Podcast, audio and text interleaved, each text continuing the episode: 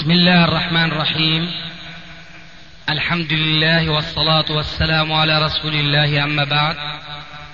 فهذا أحد أشرطة سلسلة الهدى والنور من الدروس العلمية والفتاوى الشرعية لشيخنا المحدث العلامة محمد ناصر الدين الألباني حفظه الله ونفع به الجميع قام بتسجيلها والتأليف بينها محمد بن أحمد أبو ليلى الأثري.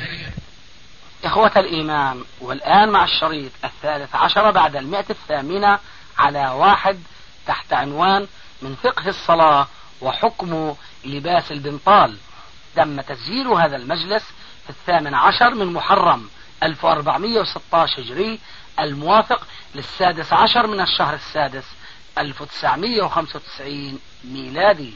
الموضوع. شيخنا أنا الآن الآن حقيقة خطر في بالي سؤال ثالث. تفضل.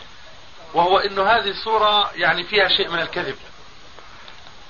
ها لأنه ما حصل الذي حصل على هذه الصفة. أنا بخالفك في هذا. شوي خلينا أكمل. هو.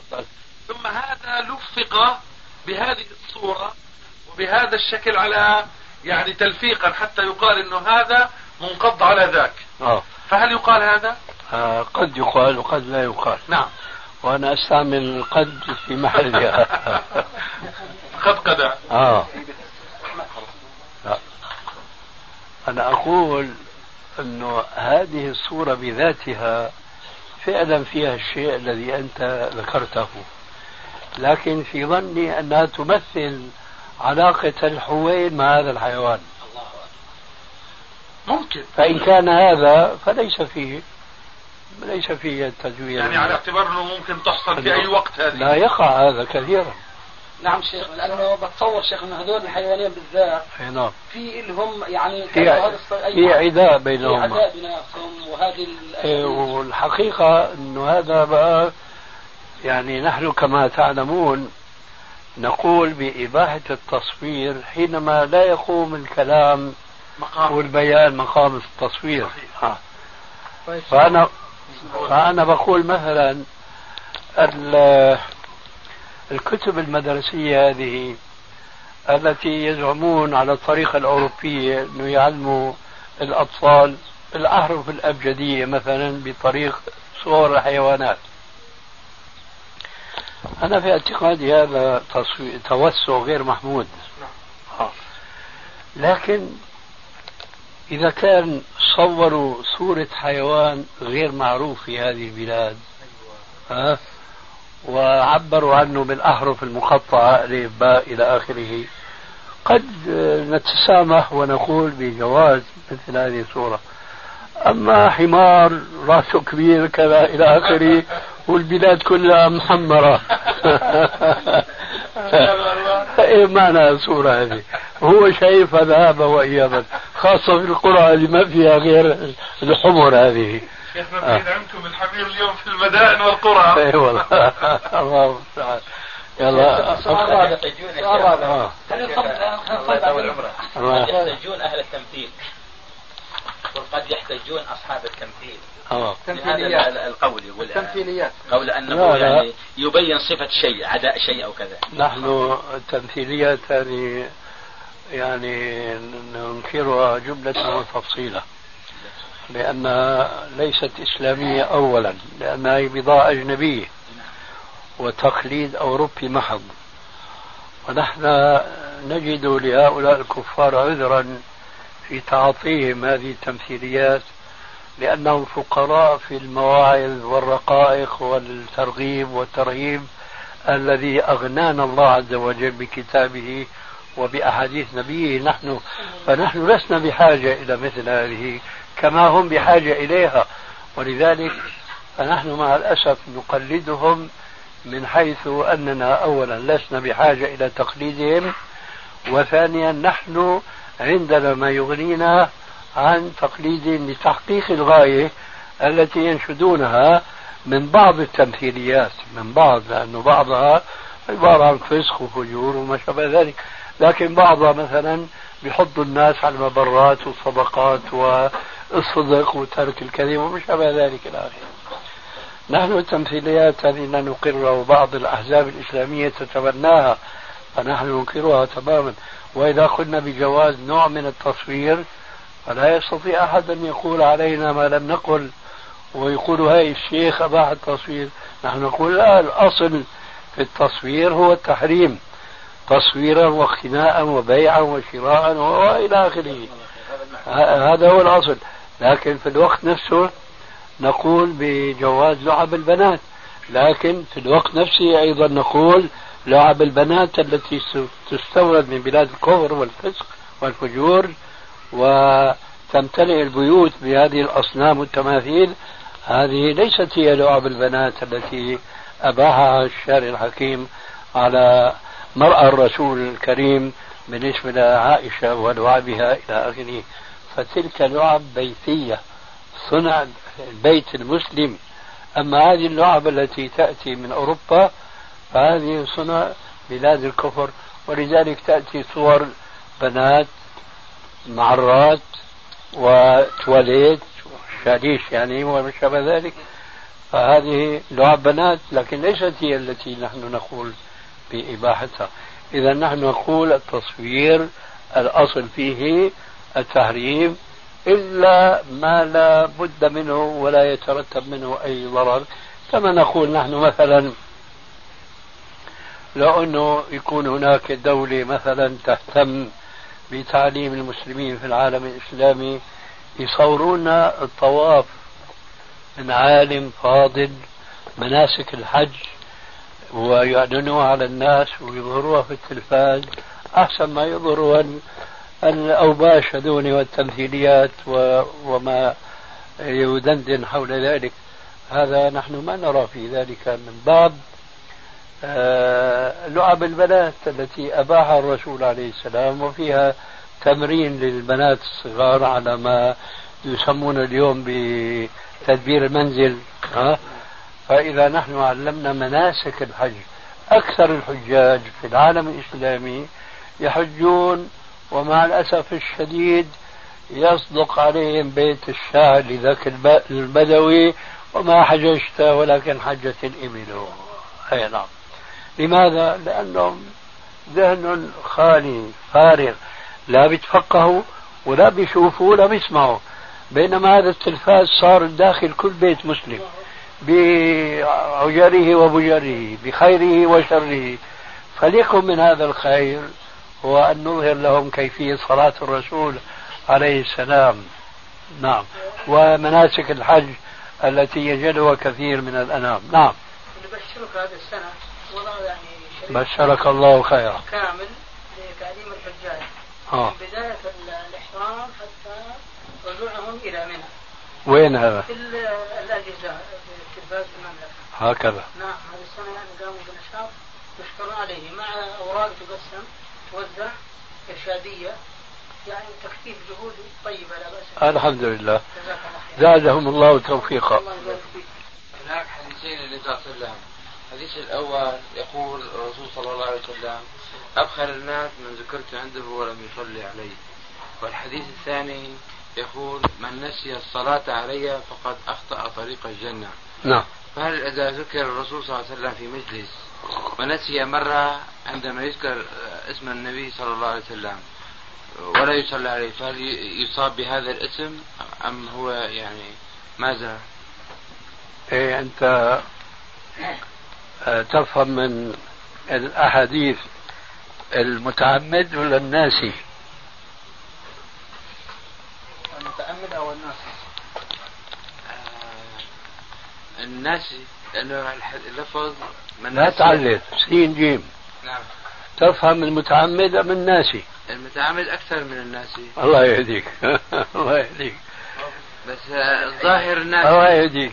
خير الكلام ما خير بدل لا إله إلا تفهم من أحاديث العامد أم الناسي؟ واحدة من اثنين. أو تفهم اثنين كيفك. بس المهم جاوب. لا تعمل محاضرة. بعدين المحاضرة بتجيك نعم. يعني. أو بتستريح منها. بكيفك الناسي كما ظاهر من الحديث. الناسي. كيف حينئذ توفق بين هذا الفهم وبين أنه النايم والناسي مرفوع عنه المؤاخذة وأظن أنت معنا في هذا. يعني الذي نام عن الصلاة أو نسيها مؤاخذ؟ لا. طيب. الصلاة من أجزائها الصلاة على النبي؟ صلى الله عليه وسلم. ها؟ نعم. طيب. آه. معناتها لا جاوب الجواب الأول. عشان اسجل إنه نعود نحن إلى السؤال من أجل أبو أحمد. جزاك الله خير. أنه هل يؤاخذ النائم عن الصلاة أو الناسي لها؟ الجواب الاتفاق لا. نعم طيب. ومن المعلوم أن الصلاة على النبي صلى الله عليه وسلم هو جزء من أجزاء الصلاة بغض النظر عن حكمها. هل هو ركن هل هو فرض هل هو واجب هل هو سنة. فإذا لا يؤاخذ المسلم إذا نسي الكل هل يؤاخذ إذا نسي الجزء؟ طبعا لا يؤاخذ. هاي. بس إذا كان من نوع التراخي. هاي أنا البس بخاف منها هي هاي كلمة بس بخاف منها. آه. إذا كانت من نوع التراخي يعني مو من باب النسيان. فهل يصاب بالإثم وي- إذا مو ناسي؟ إذا مو ناسي. هذا مهمل. نعم. لكن الآن أنت ما الذي حملك على مثل هذا السؤال؟ وكان فيه خير كبير لأننا فهمنا أن النسيان هنا ليس بمعنى النسيان المذكور في مثل قوله تعالى ومن أعرض عن ذكري فإن له معيشة ضنكا ونحشره يوم القيامة أعمى. قال رب لم حشرتني أعمى وقد كنت بصيرا. قال كذلك أتتك آياتنا فنسيتها. النسيان في الآية غير النسيان في الحديث. فأنت ما الذي ذكرك بطرح السؤال حول هذا الحديث هو الظاهر أنك شعرت بأننا مستغرقون في الحديث وغير متنبهين لذكر الصلاة على الرسول مع أنه أنا بذكرك أنه أهل الحديث هم أكثر الناس صلاة على الرسول عليه السلام. وبذكرك بقضية أخرى وهي إذا ذكر الرسول في المجلس مئة مرة وصلى المصلي في هذا المجلس فقط مرة. بيمشي الحال ولا لازم يصلي مئة مرة؟ لا أدري. على ظاهر الحديث 100 مرة. من أين هذا الظاهر أخذته؟ سبقت ابن حزم فيها؟ طريق الجنة. لا لا. مجلس واحد وقع فيه ذكر الرسول مئة مرة. نعم. ومرة واحدة آه، صلوا على الرسول. اللي تذكر أنه ذكر الرسول. هل يكفي ولا لازم مئة مرة يصلي على الرسول؟ لا أدري. ها؟ لا أدري. الحمد لله. على كل حال يا أبو عبد الرحمن وأنا بخاطب نفسي لأنه أبو عبد الرحمن. مم. أنه ينبغي علينا جميعا أن لا نتسرع في الإفتاء. وأنا بمثل هذه المناسبة بقول لإخواننا آه تفقها في قول ربنا تبارك وتعالى فاسألوا أهل الذكر إن كنتم لا تعلمون. هذا النص القرآني جعل الأمة الإسلامية من حيث العلم وعدمه قسمين اثنين عالم وغير عالم. هذا النص القرآني جعل المجتمع الإسلامي من حيث العلم وجودا وعدما قسمين عالم وغير عالم. وأوجب على كل من القسمين ما لم يوجب على الآخر. أوجب على القسم الأكبر وهو الذي لا يعلم ماذا أن يسأل أهل العلم. وأوجب على أهل العلم أن لا يكتموا العلم بعديد من الآيات فضلا عن الأحاديث النبوية.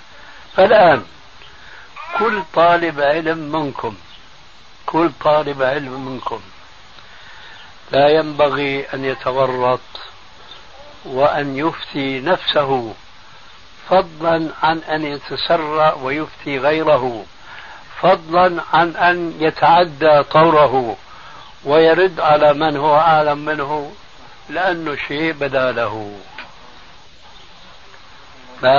فاسألوا على ذكر إن كنتم لا تعلمون. هذه ذكرى وذكرى تنفع المؤمنين. هو هو اللي جعلنا نسال السؤال هذا. إيه؟ الحديثان. جزي جزيه خيرا. جزاه الله خيرا. الحديثان الذي ذكرهما. آه. صحيحة؟ الحديث ذكرنا بالحديثين. الحديث الأول أن أبخل الناس من ذكرت عنده عنده فلم يصلي عليه. حديث صحيح. الثاني من ذكرت عنده من نسي الصلاة علي فقد أخطأ طريق الجنة. هو أخطأ ولا خطئ؟ آه. والله بالنسبة للثاني أتردد وإن كان بيغلب على ظني الصحة ونستمد بجوز الاستمداد ولا لا؟ نستمد منكم شيخ. أخذت الجواب أثابكم الله جزاكم الله خير وبارك الله فيكم وأهلا. أخونا أبو ليلى من؟ أنا خلاص أنا بشكرك شكرا لله ثم للشيخ أهلا وسهلا شكرا جميعا وإياكم شو رايك شيخ نصلي اول ولا يسال بعض اسئلته؟ آه في عندك أسئلة كثيرة ما شاء الله جاي متزود هو من دمشق يعني آه. شيخنا هذه اسئلتي مم. يفتر طيب نصلي الله ونشوف يخلق الله ما لا تعلمون في لفظة اللمس وبنسامحك بلفظة اللمس. المعنى فيه معنى اللمس فيه أعطينا الصفة.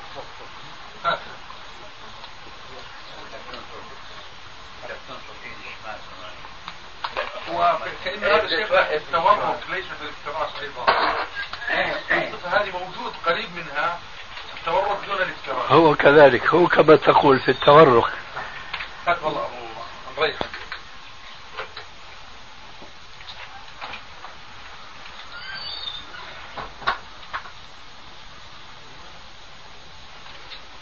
فيما يشبه المحاذاة وما يشبه هذا الكلام التشهد الأول أظن. لا لا رجع الأول أول أذكر الأول التشهد الأول والثاني رجع الأول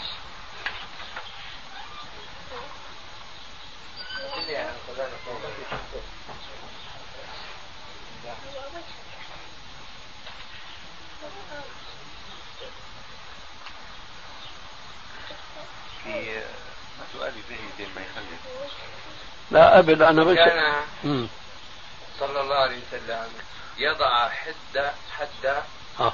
مرفقه الأيمن على فخذه اليمنى إيه أبو داود والنسائي بسند صحيح إيه هذا حد يعني محاذاة مش معناه لمس هذا الم- أليس هذا حد المرفق؟ فهمت بس آه، حد مرفقه الأيمن بإيش؟ على فخذه إيه. آه، هل تذكر أنه موجود هنا في نفس حديث؟ هو حديث وائل هذا. أنه يضع كفه يضع كفه على ركبته اليمنى. صحيح؟ طيب. ضع كفك على افترش نشوف ضع كفك. مش ذراعك كفك. كف. إيه الكف. لا أنت هجمت. على فخذه ها؟ نعم. أنت وضعت هلا هون على الركبة هيك سويت. الوضع بده يكون هيك. نعم. صح اقبض الآن. طيب. الآن عملت تماس شوف شو بصير معك هلا. تكلم. هيك في؟ ما في هيك شيء. الحد يعني المحاذاة. شيخنا هون في تعليق لكم تعليق. يعني أنا تفضل. آه، عند قوله وكان صلى الله عليه وسلم يضع حد مرفقه الأيمن على فخذه اليمنى. عند كلمة حد في تعليق كويس تقولون أي نهاية. وكأن المراد أنه كان لا يجافي مرفقه عن جنبه. آه كان لا يجافي مرفقه عن جنبه وقد صرح بذلك ابن القيم في الزهد يعني ما بيعمل هيك ما بيعمل لكن ما في تماس. هذا مجافاة المرفق عن الأذان هو هذا ما- يضع حد المرفق الأيمن على الفخذ. محاذاة وضع محاذاة يعني. أنت بعد لا هوني ما لاحظت شو صار معه هلا هو. آه يعني صار هيك وهيك. لك فيها وضع مش غير طبيعي أبدا. لا طول بالك. يعني هل إذا كان في شيء برأيك ما لي شيء. بنطول بالنا. هلا أنت معنى أنك بدك تضع كفك على ركبتك. ضع. شوف هلا وين ذراعك. كويس. اسمع هلا شوي. هذا. أقبض. كويس. المس. صار وضعك غير طبيعي. لا. أنا هيك على طول. لا يعني لا لا أنظر إلى هذا كله يعني المقصود أخي لا تعمل هيك ولا تعمل هيك. هي تزبط أكثر بالتجاهل ها؟ الثاني أمر التجاهل وسطي الثاني أي نعم. عم شوف هيك آه، فيها راحة أكثر. معلش هذا تورك هذا بحث ثاني. نعم. في التورك تضع الذراع كله على فخذك. الافتراش غير التورك نعم. على كل حال يعني هذا التماس اللي ذكرته نحن عشنا هذا لا رأيناه ولا فهمناه. لا رأيناه رواية ولا عرفناه دراية. أعطينا ورقة يا أبو ليلى. يعني نحن. فهمنا كون حد المفرق هو ال- آه، فهمنا انه انه لامس الفخذ هو فهم خاطئ أي نعم لمس ما في بالموضوع. شو في عندك؟ اسمعوا أسئلة سورية الآن. جزاك الله خير. أو لعلي أنا تسرعت فقلت أسئلة كان ينبغي أن أتحفظ وأقول بعض الأسئلة. لأنه هي مشكلة الأسئلة إيه.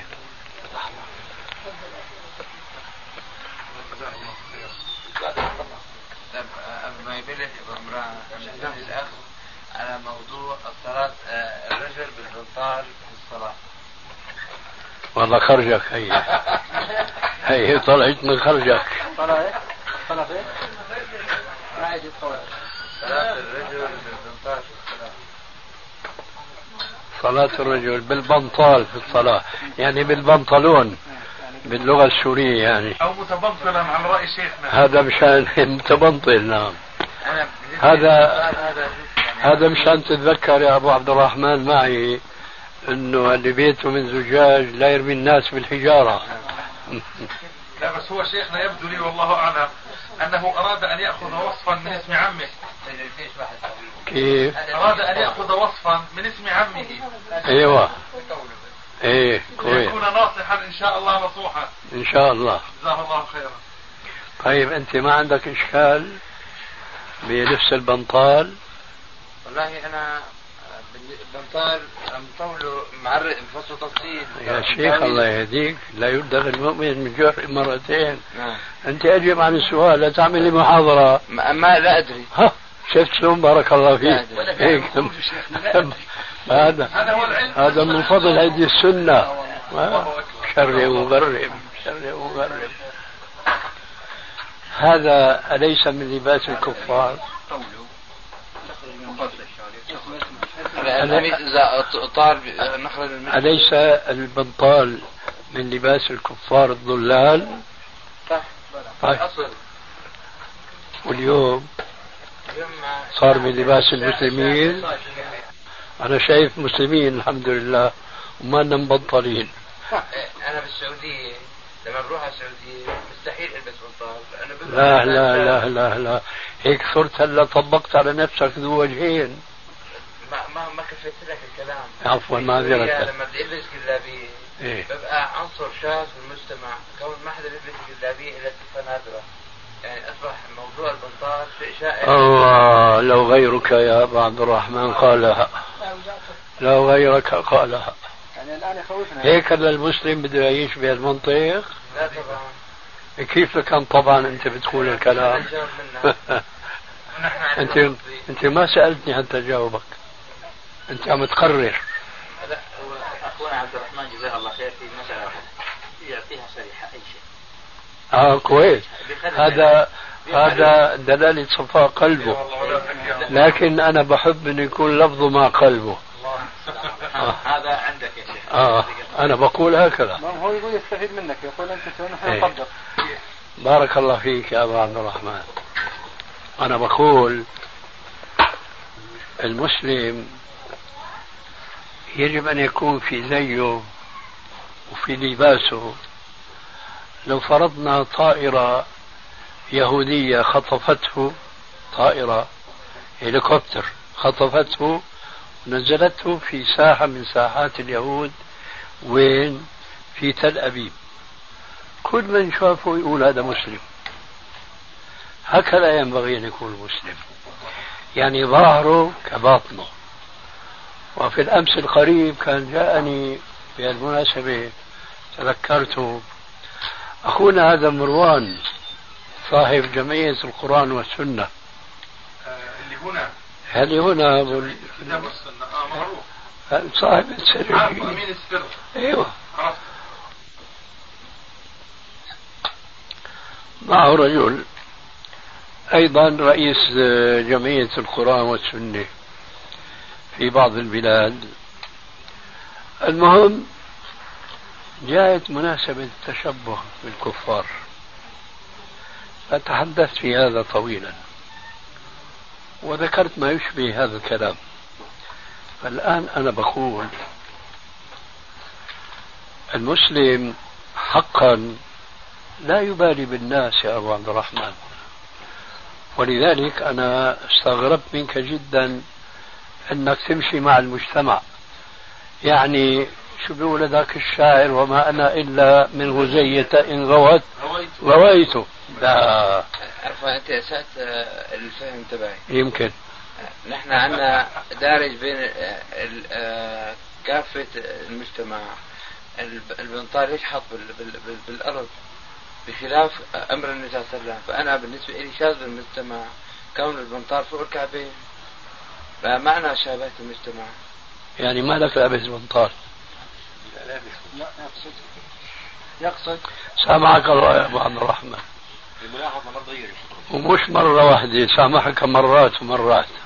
تسمح لي أتكلم أنا؟ بعد لا. المهم أنت لازم تغير زيك تماما. ولا سمح الله لو اليهود خطفوك ورموك هناك يشار إليك بالبنان. هذا مسلم اقتلوه. وتروح شهيد في سبيل الله. فأنت خايف من من مسلمينك اللي عايشين معك في سوريا. إذا شافوك يقولوا هذا مثلا شو هو؟ سلفي هذا سعودي هذا حجازي. فليقولوا ما شاءوا. ما لك وللناس. شو الحديث يا أبا الحارثة بن يقول من آه، أرضى الناس بسخط الله. الله أكبر. فأنت يجب أن تضع نصب عينيك كما هو شأنك. أنا ما خلص كلامي ها أنا راح أجي معك. هذا صحيح. يعني بيجي عليك أحيانا لكن بالحق مو بالبطل. ها من باب النصيحة إيه؟ آه كما أنت دائما لازم تكون مع الشرع. الشرع يأمرك بأن يكون ظاهرك مسلما. يعني هلا أنت ولا مؤاخذة؟ نحن بولينا الآن بمجيء اليهود هنا زرافات وجماعات إلى آخره. لو أنت ماشي بها الشارع من الشوارع واختلط الحابل بالنابل واحد منا ماشي واختلطوا هالجماعة شو بيقولوا الناس عنك؟ بمعنى بمعنى آخر وأدق. كيف؟ إذا أنا بعرف كلته هالحشد ماشي. والإيش سؤال شيخنا. إذا أنا شفتك. له. إذا أنا- إذا رأيتك مع هذا الحشد؟ أيوة الحشد بتقول؟ مم. هذه النقطة عشان فإذا رأيتك مع هذا الحشد؟ هل أنا أسلم عليك؟ قلها صراحة كما شهدوا فيك. أنك تحكي ما في قلبك.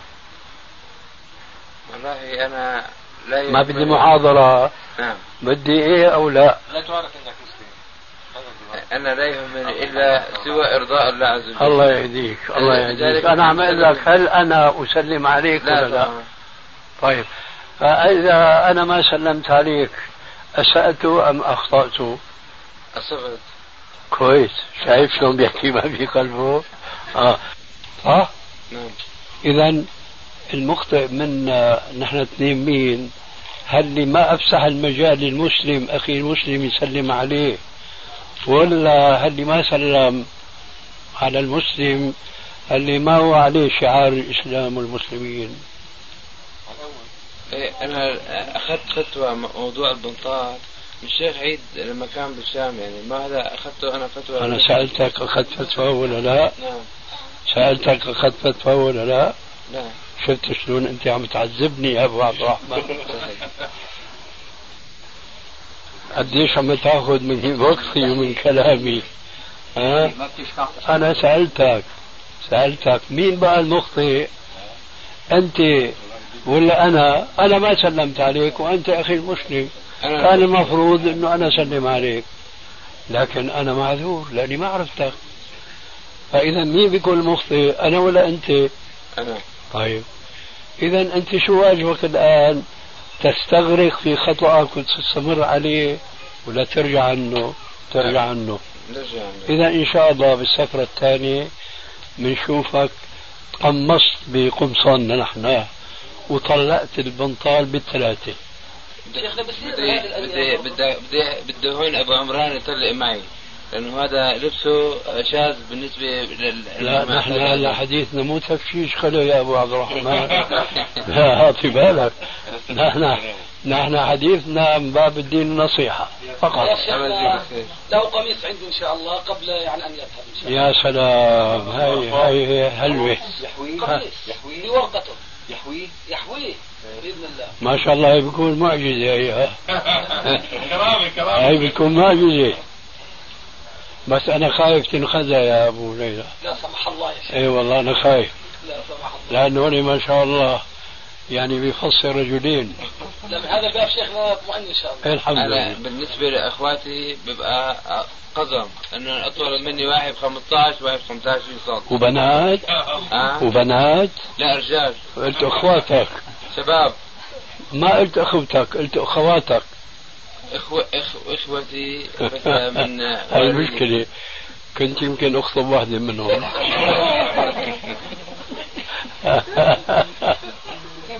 شيخنا ال- الحج الله يجزيه الخير الشيخ نصوح إيه. قال كلمة آه. يقول ألا تشفع له لحيته؟ لا.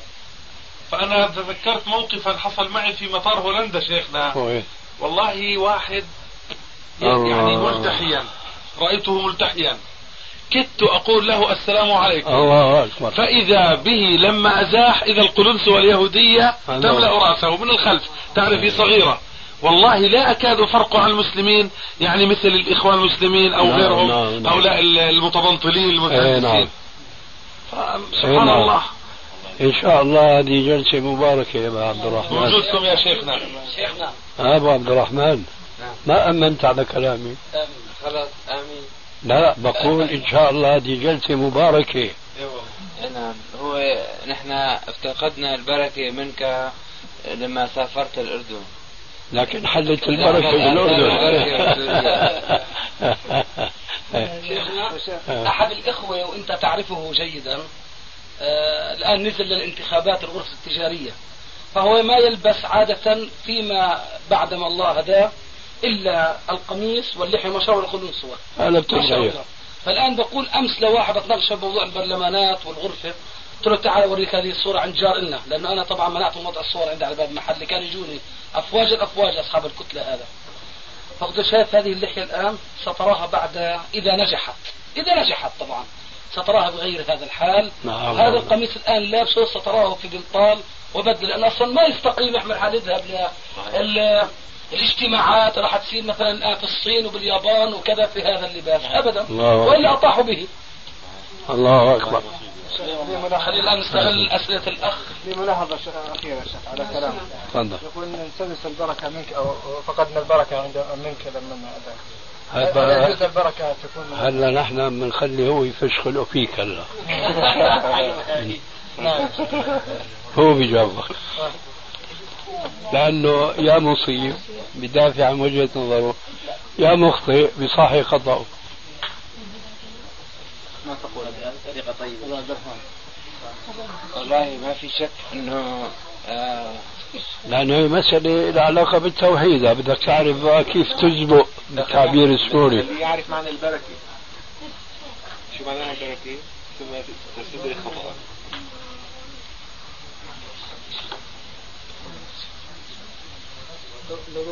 الخير الدائم. البركة الخير الدائم. هو في عندك جواب أبو عبد الرحمن؟ عندي جواب بس مالي عرفان كيف جواب. بس هو ملخص الكلام. البركة التي حصلت منك هو التزامك الكتاب والسنة والاقتداء بهدي الرسول صلى الله عليه وسلم. فمن بركة القرآن ومن بركة هدي هدي الله عز وجل فهو هذا البركة المقصود فيها. عجبك هذا الجواب؟ هذا عجبني. ها؟ عجبني شيئا ما. الحمد لله. جزاك الله. لا تنسى أن الصحابة من بركتهم لما عجزوا أن يقطعوا فوق نهر الفرات صلوا ركعتين ومشوا فوق النهر دون أن تبتل نعالهم. لا نعد على من بركة الإنسان. نحن نتكلم من بركة التي تنشأ من الإنسان نفسه. طيب هذا صحيح الكلام ده؟ هذا صحيح. ثابت صحيح؟ بدك تسأل شيخنا ما بعرف. أنا بعرف صحيح ثابت صحيح. خلاص اسأل الشيخ. طيب. ما تعليقك على الشيخ؟ على البركة؟ آه، من الإنسان أو الإنسان هو بركة. أو قول العامة هكذا من الأمور التي يشيعونها. هذا بالتعبير العربي في مضاف محذوف. واسأل القرية. نعم. وهو خليني الفت نظره لأنه في مناسبة نسيت أنا شو الكلمة اللي قلت انه هذا شرك. فجبت لك أنا بجوز واحد يقول أنبت الربيع البقلة واستلسلنا في الأمثلة. شو الكلمة اللي كنت قلتها؟ انت وقلت إنها شرك. بعدين قلنا لا هذا له معنى مقبول شرعا. مثل أنبت الربيع البقلة مثل أشبعني الطعام مثل أرواني الماء. صحيح؟ تذكر هذا؟ نعم. لكن ما ذكرت الكلمة اللي قلتها وأثارت البحث هذا؟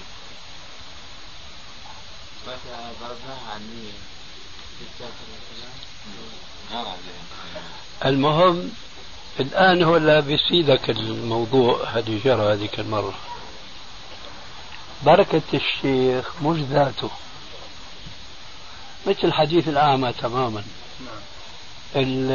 المتأخرون بيقولوا أنه الأعمى بتوسل بذات الرسول رجع بصيرا لا هو بدعاء الرسول وشفاعة الرسول إلى آخره. فبركة الرسول هو دعوته وهدايته للناس وإرشاده. بركة الصحابة بركة بركة إلى آخره الذين جاءوا من بعدهم ويحاولون أن يسيروا بمسيرتهم. هي دعوتهم. كما شرح لك أخيرا وسألتك أعجبك قلت لي بعض الشيء. البعض الثاني هو أن تتذكر هذه الحقيقة اللغوية أن هنا مضاف محذوف. بركة الشيخ يعني دعوة الشيخ إصلاحه إرشاده للناس ونحو ذلك. مش يعني أنه الشيخ هو شخصية مقدسة وهو غير البشر. لا هذا أنت كافر به أليس كذلك؟ وأنا معك. ما تخاف من كلمة الكفر. لأنه هذا كفر بالكفر يعني. إذا زال الإشكال وطاح الحمد لله إن شاء الله. نعم. بسبب ديوع بلوى البنطال في سوريا آه، مضطر أن اسالك على فتوى الشيخ على؟ على فتوى الشيخ عيد في هذه المسألة. أيوة. أنا ما بعرف شو أفتح بيقول الشيخ عيد وهذا الكلام قديم يعني. من أكثر من 12 عام 14 عام. أيوة. بيقول أن دخول البنطال في البداية إلى بلاد الإسلام فيه تقليد للكفار وهو حرام. ولكن بعد أن ذاعت البلوى بين المسلمين وأصبح آه، غير مختص البنطال في الكفار فأصبح الحكم أنه من زي المسلمين وجاز لباسه بشروط أن لا يصف عورة أو يشبه مختص به. هذا أخونا عيد الله يذكره بالخير. يقال له عرفت شيئا وغابت عنك أشياء أولا هذا الكلام نحن كنا نقوله ولا نزال حتى قلناها أو قلناه في الجلسة التي أشرت إليها آنفا. الطربوش الطربوش كان لباس نمساوي. فلما وصل الأتراك في فتوحاتهم المعروفة إلى النمسا وعاشروهم وخالطوهم بدأ بعضهم يتشبه بالنمساويين ويتطربش. أشبه ما يكون ببعض المسلمين إما الجهلة أو المستهترين اللي ما بيهتموا بالشرع بيتقبعوا بالقبعة. برنيطة. برنيطة. فبدأ بعض الأتراك يلبسوا الطربوش. واستمر واستمر وانقلبت القضية. نسي النمساويون الطربوش وتقبعوا. وصار الطربوش من لباس الأتراك. حتى قلت حتى النصارى في عهد الأتراك كانوا يتطربشوا إلى اليوم في لبنان يوجد ناس من المسلمين فضلا عن النصارى من النصارى فضلا عن المسلمين بيلبسوا الطربوش. عادي يعني تقليد. هنا يقال إنه لبس الطربوش ما في شيء ولو أنه أصله أصله نمساوي. لكن يختلف تماما. الآن لا يوجد نصراني على وجه الأرض بالطربش. بينما البنطال لا يزال لباس النصارى. افترقا تماما. آه، فهنا الخطأ يكمن في هذه الفتوى من ناحيتين. الناحية الأولى أن البنطال ما أصبح بالنسبة كلباس بالنسبة للكفار نسيا منسية كالطربوش مثلا واختص البنطال بالمسلمين كالطربوش. مو هيك. القضية معكوسة تماما. لا يزال في كثير من البلاد الإسلامية ما بيتعرفوا على البنطال. والبلاد كلما كانت أقرب إلى بلاد الكفر وأوروبا كل ما كثر البنطال عندهم بسبب سريان العدوى. كذلك البلاد التي استعمرت سواء من بريطانيا أو فرنسا أو هولندا أو غيرها من البلاد من الحكومات الكافرة آه، نقلوا أزياءهم وعاداتهم إلى تلك البلاد التي استعمروها ونشروا فيها تقاليدهم وعاداتهم مخالفة للشريعة. فالبنطال الآن لا يزال كما قلت لباسا للكفار وغير متعرف به عند كثير ما أقول أكثر لأن الحقيقة هي بدها إحصاء حتى ما نكون مبالغين يعني فيما نقول لكن أنا صادق حينما أقول لا يزال البنطال عند كثير من المسلمين غير غير ملبوس لديهم شيء آخر فات الأخ عيد الله يذكره بالخير أن البنطال في مشكلة أخرى وهو أنه يحجم العورة. شوف مثلا صاحبنا الطيب اللي بيمثل شخصين؟ شوف أفخاذه كيف البنطال تبعه عاضد عليهم عض ولما بيركع الفلقتين بينفلقوا فلق. هذا شلون بيجوز في الشرع؟ فيختلف البنطال كثيرا فلا يجوز أن يقال أنه هي كان لباس الكفار. فصار لباس يعني كما قال لي أحد القساوسة اللبنانيين. أظن تذكر أنت القصة هل جريت معي بيني وبين القسيس الماروني؟ في القطار. في القطار تذكر؟ غائب عن عن تذكر نصوح؟ خلاصتها جرى نقاش بيني وبين قسيس ماروني. وصل الموضوع أنه ليش المسلمين بكفروا أتاتورك؟ لأنه فرض البريطة على الشعب التركي. شوف هي البريطة؟ هذا لباس هنا الشاهد. لباس أممي صار كل الدول يعني أو كثير منها بيلبسوا البرنيطة فأنا دخلت معه في موضوع ديني من جهة أن الإسلام يحرم التشبه بالكفار. وموضوع اجتماعي أو سميه فلسفي أن اللباس له تأثير على لابسه. في نقاش طويل وطويل جدا. إنما الشاهد وين؟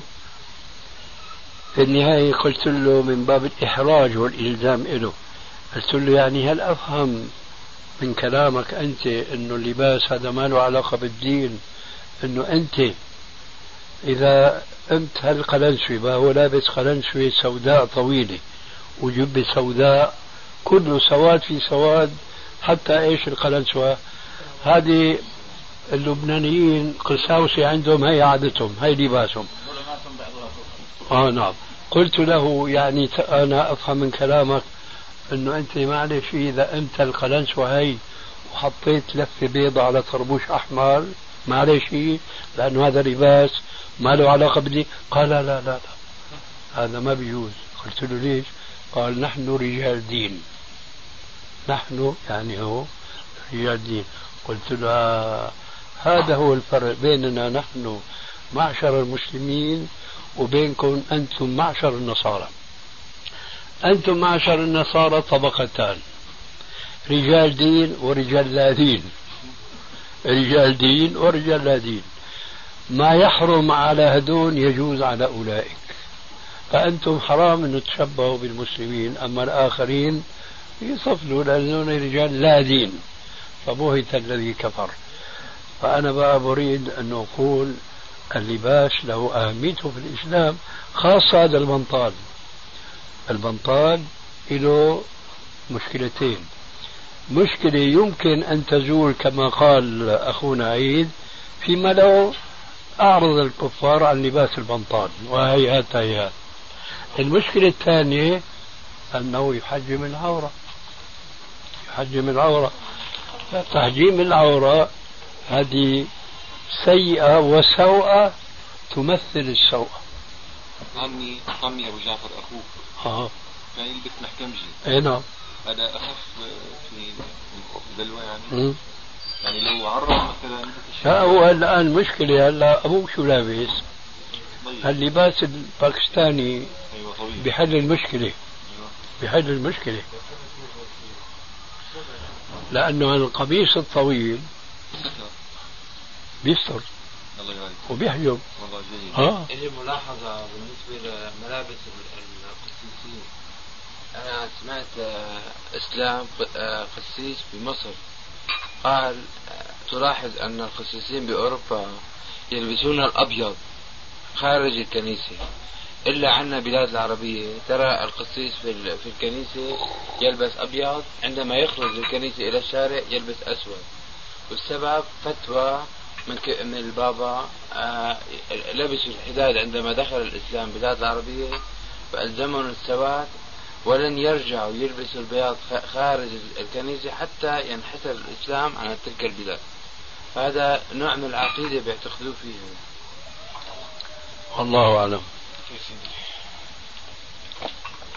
نعم. نفتح مجال الأخ؟ بأسئلته بسم الله الرحمن الرحيم. هذه مجموعة من الأسئلة. أولا ما هو الدليل على جواز استعمال المناديل الرطبة المناديل الرطبة بالسبيترو. ما في دليل. لكن القاعدة لكن هل هو السبيترو؟ المناديل هذه إذا كانت مشبعة بالسبيترو فالسبيترو كحول.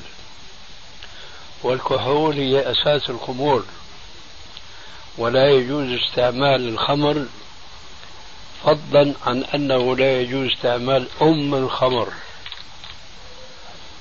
لا يجوز استعمال أم الخمر. لا يجوز استعمال أم الخبائث وهي الخمر. فمن باب أولى لا يجوز استعمال أم أم الخبائث وهو الكحول. لا في الطبابة ولا في التنظيف ولا في أي شيء. فمن كان على علم بأن هذه المناديل المشبعة بالرطوبة أو بشيء من البلل هو هذا السبيترو الذي هو الكحول فهذا لا يجوز استعماله. وكأني أشعر بأنك سمعت نقلا عني بأن بأني أقول بجواز استعمال هذه المناديل ولذلك فجأتني بسؤالك عن الدليل. أنا ما أقول هذا. ولذلك فالمفاجأة هي مفاجأة فعلا. يعني أفهم من كلامك أنه هذه مو قطعيا فيها سبيترو أنا لا أعلم أنه فيها سبيترو أعرف أنه هي فيها إذا تأكدنا من وجود سبيترو آه ما بيجوز فحكم الحرمة. أي نعم. تتراوح بين 10 ل 20% كيف؟ تتراوح نسبة السبيترو فيها عن 10 ل 20% إيه وهذا بجرني إلى توضيح المسألة. لا يجوز وجود سبيترو مكثف أو محلول في بلاد الإسلام بكافة فضلا عن بيت مسلم بخاصة. لا يجوز هذا. لأنه كما نعلم جميعا أن الإسلام حرم أشياء لذاتها وحرم أشياء أخرى من باب سد الذريعة فهو يحرم على المسلم أن يبيع العنب لمن يعصره خمرا من باب ولا تعاونوا على الإثم والعدوان. ولذلك صح في الحديث أن النبي صلى الله عليه وسلم لعن في الخمرة عشرة. والتسعة كلهم ليس فيهم شارب إلا الأول. لكن التسعة لولاهم ما وجد الأول. العاصر والمعتصر والساقي والبائع والشاري والحامل المحمول إليه إلى آخر الحديث. فلذلك وجود السبيترو للمعالجة في البيت لا يجوز. لأنك حينما تشتري سبيترو الكحول تشتري خمرا. فلا يجوز شراء الخمر للمعالجة للتداوي وبخاصة بعد قوله عليه السلام وقد سئل عن التداوي بالخمر فقال عليه السلام إنها داء وليست بدواء إنها داء وليست بدواء. هذا يقول عليه السلام في أم الخبائث فماذا يقال عن أم أم الخبائث؟ والحكم واحد بالنسبة لاختلاط السبيترو بنسب قليلة في الأدوية مثل البوليرامين دواء السعال. الأدوية إما أن تكون صناعة خارج البلد فيجوز استعمالها ما لم تكن مسكرة أي الكثير منها. أيوة. أما تركيبها في البلد فهذا يتطلب إما عصر الخمر أو عصر الكحول وهذا قلنا أنه لا يجوز. في مسألة آه، السعي آه، بعد الحج أو في نهاية الحج بين الصفا والمروة. ذكرت عن حديث عائشة في كتاب مناسك الحج أنه هو مشكل أو كلمة نحوها. فسؤالي كيف أشكل حديث عائشة في الطواف الثاني مع حديث جابر الذي نفى السعي الثاني فهو يتحدث عن النبي صلى الله عليه وسلم حيث كان قارنا؟ وعائشة تصرح أنها تقصد من أهل من أهل بالعمرة حين ذكرت الطواف الآخر بعد الرجوع من منى. وصرحت في القارن أنه طاف طوافا واحدا. صفحة 88 90 أذكر الآن. عندك شيء بهالخصوص ما أذكر الآن. هذا موجود في حجة النبي. حديث جابر. كما رواها جابر. طيب لما قلنا إنه مشكل شو وجهنا الإشكال؟ بس هيك يعني إنه هذا في المسألة يعتبر حديث عائشة مشكل يعني أنا تأملت حديث آه، جابر لقيته عم يتحدث في مسألة حديث عائشة في مسألة أخرى. حديث عائشة في آه، آه، في المفرد.